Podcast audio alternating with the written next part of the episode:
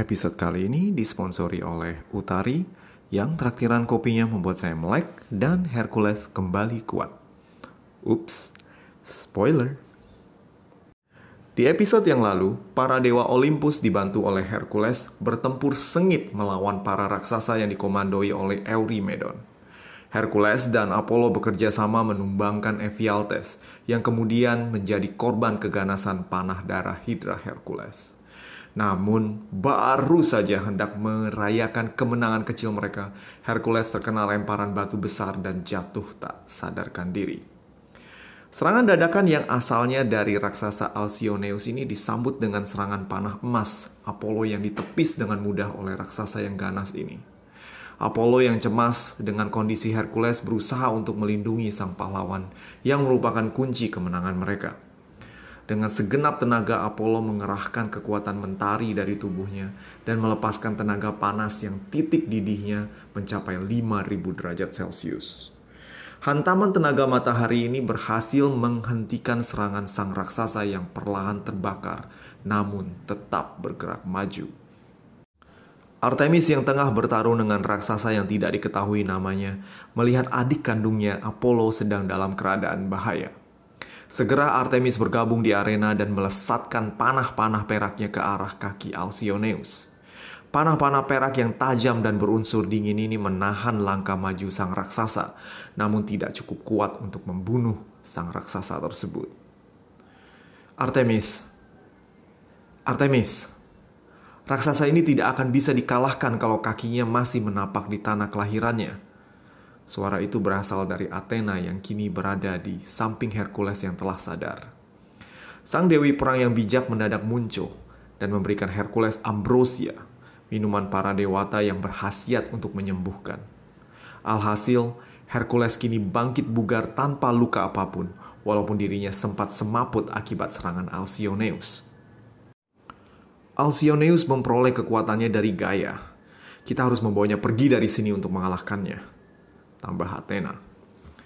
Ah, dulu gue pernah nih lawan musuh kayak gini nih. Biar gue aja deh yang ngeberesin raksasa Sontoloyo ini. Ucap Hercules yang masih kesal karena serangan dadakan Alcyoneus yang nyaris merenggut nyawanya. Kakak-kakak sekalian, biar ademu yang kuat dan ganteng ini yang kelarin ini raksasa. Apollo dan Artemis kemudian mempersilahkan Hercules maju sebelum pergi untuk bertarung dengan raksasa-raksasa yang lain. Hercules yang tak pernah terkalahkan sebelumnya merasa kecolongan dengan serangan yang nyaris merenggut nyawanya. Sekarang, dengan amarah membara dan keinginan untuk membalas serangan Alcyoneus, Hercules maju dan menyerang dengan sekuat tenaga. Alcyoneus yang walau telah terlepas dari serangan tenaga matahari, Apollo masih berusaha untuk mencabut panah perak Artemis yang memaku kakinya di bumi. Sebuah bogem keras menghajar pipi kiri Alcyoneus dan membuatnya terjungkal. Kuatnya hajaran Hercules menyebabkan Alcyoneus limbung dan jatuh. Namun juga membuat panah Artemis yang tadi yang memaku Alcyoneus terlepas. Alcyoneus bangkit seolah tak terluka. Dirinya tersenyum seolah mengejek Hercules yang hajarannya ternyata malah membebaskan dirinya dari panah Artemis. Hercules yang marah langsung mendaratkan pukulan demi pukulan yang kemudian dibalas juga oleh Alcyoneus.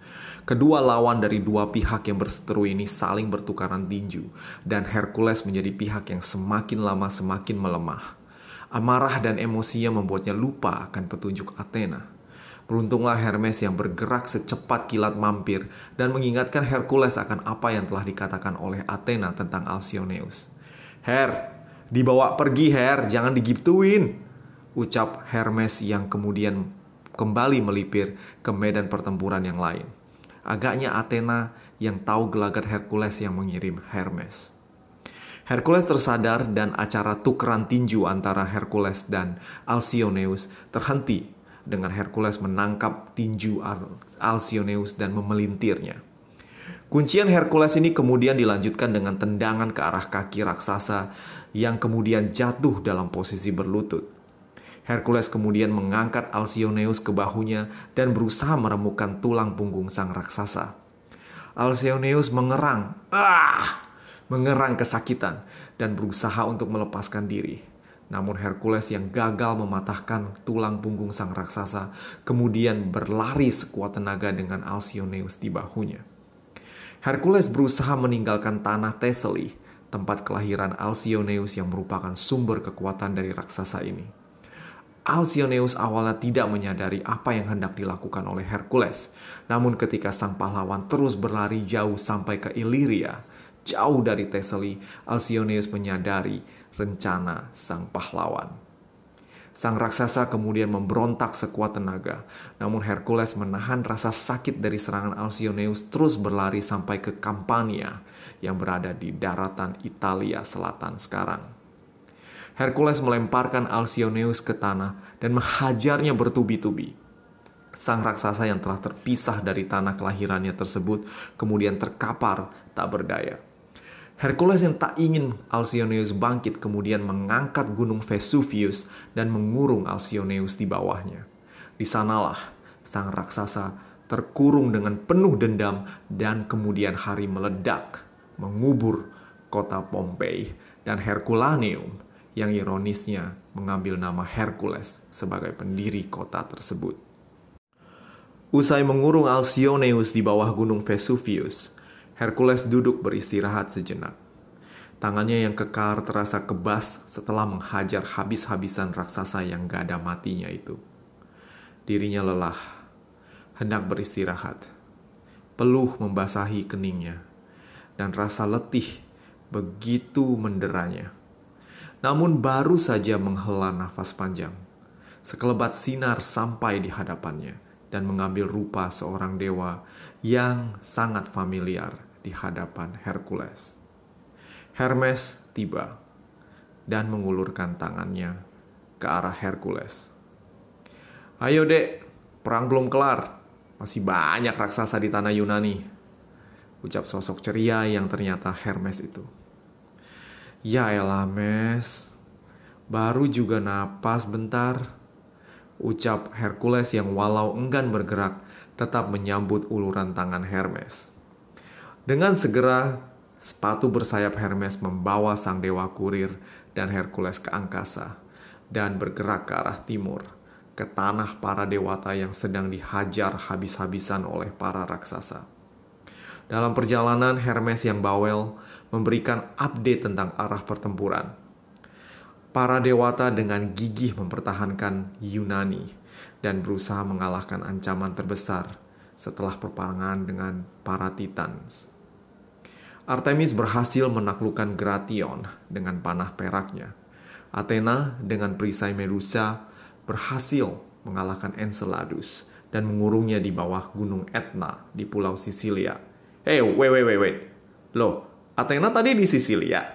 Kenapa nggak mampir bantuin gue di Campania? Oh, dia sibuk.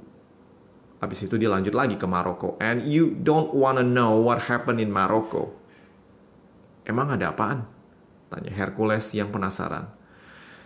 Well, um, Athena nih, ya cici lu tuh dihina sama Palas.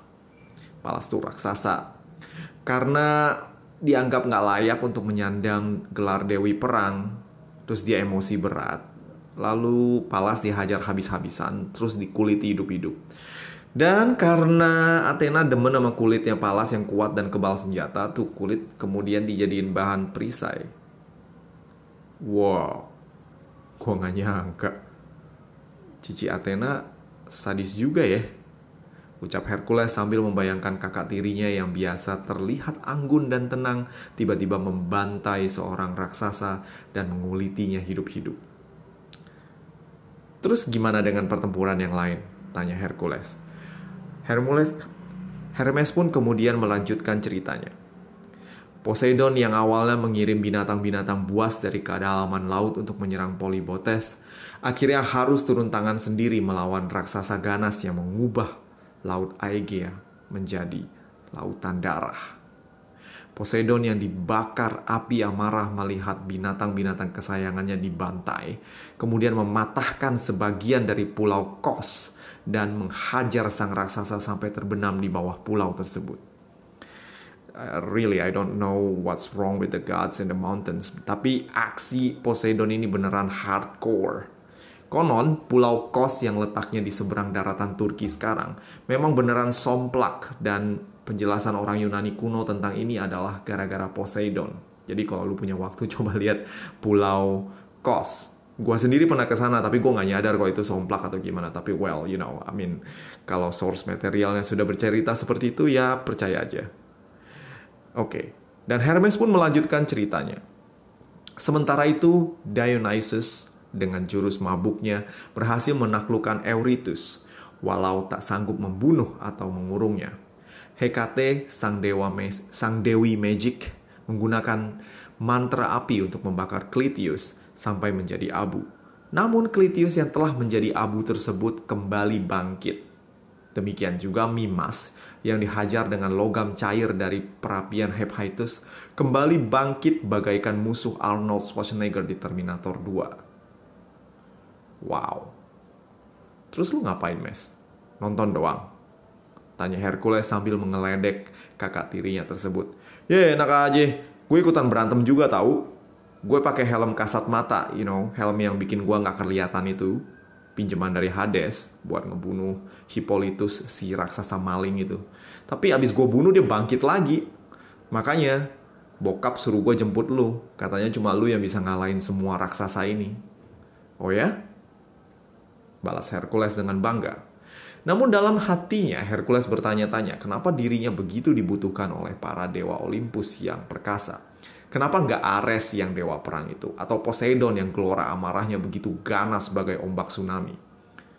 Lalu nggak bisakah Zeus menghajar para raksasa itu dengan kilatnya? Katanya kan bukan kilatnya itu senjata paling kuat di dunia. Hercules berpikir keras dan berusaha menarik kesimpulan dari cerita Hermes dan pengalamannya bertarung dengan para raksasa. Para raksasa ini tidak bisa mati, hanya bisa dikurung dengan, you know, ditimpa di bawah gunung atau di bawah pulau kayak Poseidon dan Athena yang menghajarnya sampai dia itu di bawah gunung Etna atau yang dilakukan oleh Hercules sendiri ketika dia mengalahkan raksasa tersebut dan kemudian dikurung di bawah gunung Vesuvius. Selain dengan cara ini, mereka akan tetap bangkit lagi. Eh, tunggu dulu, tunggu dulu. Hercules selalu teringat pada Porphyrion, raksasa berkulit ungu dan juga Ephialtes yang dipanahnya dengan panah Hydra. Keduanya tewas, tak bergerak, tak bernafas, dan juga tak bangkit lagi. Mungkinkah panah Hydra miliknya adalah kunci untuk mengalahkan para raksasa. Hmm. Sementara itu di kaki Gunung Olympus, Zeus dan Hades berhadapan dengan dua raksasa yang mengerikan dan dikomandoi oleh Eurymedeon. Kedua bersaudara yang biasanya tidak akur tersebut kini harus bahu-membahu menahan pergerakan para raksasa yang semakin dekat dengan tahta Olympus. Hades dengan tombak Dwi Sula dan support anjing kesayangannya Cerberus merupakan lawan yang sepadan dengan Enceladus, raksasa terkuat yang mampu memuntahkan lahar dan api panas. Bagi Hades yang tinggal di alam baka, elemen api dan kegelapan bukanlah ancaman baginya. Dengan terjangan tombak dan bantuan Cerberus, dirinya mampu menumbangkan Enceladus. Namun hal yang paling mengganggunya adalah raksasa ini nggak bisa mati terus-terusan setiap kali mereka menghajar. Setiap kali Cerberus menggigit leher Enceladus dan tombak Dwi Sula Hades menghujam jantung sang raksasa. Sang raksasa akan tumbang tapi kemudian bangkit lagi.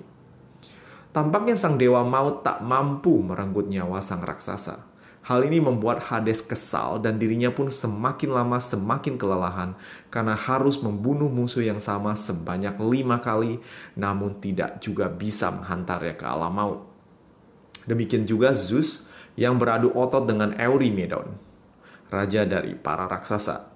Zeus dengan kilatnya yang menyambar-nyambar memang mengerikan dan sanggup membuat Eurymedon tersengat arus, arus listrik yang tinggi. Namun serangan ganas ini hanya membuat raja para raksasa ini berhenti bergerak. Namun setelah efek hantaman kilat itu mereda, sang raksasa kembali menyerang Zeus dengan ganas. Kedua kakak beradik ini kini berada pada puncak kelelahannya dan nyaris tak sanggup lagi untuk menyerang. Hades tertunduk dan bertumpu pada tombak dui sulanya. Sementara Cerberus terkapar terkena pukulan Enceladus. Zeus yang kondisi fisiknya tak jauh lebih baik dari Hades memutuskan untuk mengerahkan serangan terakhir kepada Eurymedon. Serangan terakhir ini mungkin akan menghabiskan seluruh energinya dan mungkin akan mengakhiri hidupnya. Namun Zeus tak lagi peduli. Para raksasa ini harus dikalahkan apa pun caranya. Tubuhnya bermandikan kilat, matanya yang biru berubah menjadi abu-abu, penuh dengan energi yang siap dilepaskan kepada lawan. Langit berubah kelam dengan halilintar bersautan dan kilat menyambar-nyambar. Zeus siap untuk mengerahkan kekuatan terakhirnya. Namun, ketika Raja para Dewa Olympus tersebut berusaha untuk melepaskan segenap kekuatannya, Eurymedon tiba-tiba tumbang dan menggelepar kesakitan. Raungannya menggetarkan bumi dan lautan. Sang raja raksasa tewas tak bernyawa dan tak bangkit lagi. Zeus dan Hades saling berpandangan. Sementara Enceladus tampak bimbang melihat junjungannya tewas tak bernyawa. Ada apa ini? Bagaimana para raksasa, anak-anak Gaia dan Uranus tewas tak bernyawa oleh serangan yang tak terlihat? Enceladus menghampiri jasad Eurymedon dan menemukan sebuah panah tertancap di punggungnya. Panah, panah bisa membunuh raksasa. How you like that? That that that that that that that, that. Ucap Hermes yang tiba di medan pertempuran sambil bersenandung lagu K-pop yang bakalan populer di masa depan. Seolah muncul entah dari mana, Hercules tampak di hadapan para dewa dan juga raksasa dengan busur di tangan kanannya dan helm tak kasat mata Hades di tangan kirinya. Ayah, aku datang, kata Hercules kepada Zeus. Zeus dan Hades tersenyum. Sang pahlawan yang telah diramalkan oleh mimpi Hera telah tiba. Namun belum sempat mereka bertukar kata. Enceladus menerjang ke arah Hercules Zeus dengan sigap melontarkan kilat ke tubuh er- raksasa yang perkasa tersebut. Serangan Enceladus terhenti akibat sambaran kilat Zeus. Dengan sekuat tenaga, raksasa terkuat ini berusaha bergerak maju untuk menyerang Hercules. Di saat inilah, Hercules mengambil panah hidra beracunnya dan melepaskannya ke dada Enceladus. Not today, Mr. Giant, kata Hercules sambil tersenyum dingin. Panah Hidra tertancap sempurna di dada Enceladus. Sang raksasa tersiksa dengan sengatan listrik kilat Zeus dan juga racun ganas Hidra yang mulai menjalar di tubuh putra Gaia ini. Sang raksasa kemudian tumbang, memuntahkan darah hitam dan tak bangkit lagi. Tak lagi sang raksasa bangkit melawan para dewa. Kombinasi serangan Zeus dan panah Hercules berakibat fatal bagi ras raksasa. Zeus kemudian meminta Hercules untuk membantu para dewa yang lain yang sedang bergumul melawan para raksasa dengan panahnya. Dan Hercules dengan senang hati membantu sang ayah. Dan demikianlah Hercules bergerak dari satu medan pertempuran ke medan pertempuran yang lain dengan bantuan Hermes. Setiap panah yang dilepaskan Hercules mengakhiri pertarungan para dewa Olympus dengan raksasa yang dihadapinya. Sang pahlawan memusnahkan nyaris semua raksasa kecuali mereka yang dikurung di bawah gunung dan pulau sebelumnya. Di akhir pertempuran, Hercules diterima dengan penuh kehormatan di gunung Olympus. Hera yang begitu membencinya kini berganti mengaguminya dengan penuh terima kasih. Aksi kepahlawanannya dalam menyelamatkan kehormatan Hera telah membuat rasa bencinya punah berganti kasih sayang seorang ibu. Well, gimana juga Hera pernah menyusui Hercules ketika bayi. Tidak lagi dalam kehidupan Hercules, Hera mengganggunya dengan kutukan atau rencana jahat yang lain. Nah, demikianlah akhir cerita dari petualangan Hercules dalam membantu para dewa Olympus melawan para raksasa. Apakah ini akhir cerita Hercules? Tentu tidak.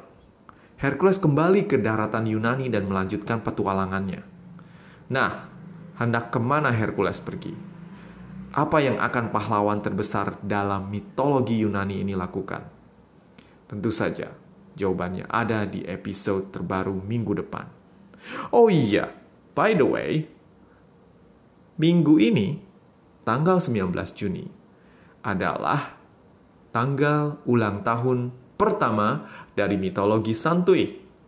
Jadi, kalau kalian pengen merayakan podcast kesayangan Anda, bisa juga kirim pesan ke IG Mitologi Santuy, ya Instagram account Mitologi Santuy, atau lu bisa juga kirim email pesan dan kesan ke hmm, ke email gue gurukelana007 at gmail.com lu bisa kasih tahu pesen-pesen atau kritik atau kesan atau apa pun deh terserah. Atau pertanyaan lalu kalau mau tanya tentang apa pun ya silahkan.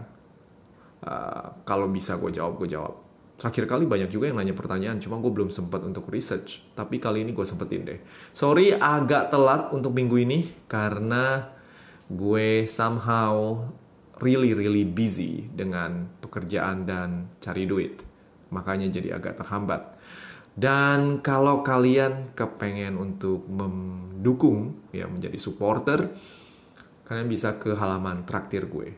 Murah kok, cuma 15 ribu sebulan. Lu bisa baca artikel gue juga dong. Boleh lebih sih kalau mau kasih gue lebih, nggak masalah sih. Oke? Okay? Alright, so untuk episode kali ini sampai di sini dan sampai jumpa di episode selanjutnya edisi ulang tahun mitologi santuy. Bye.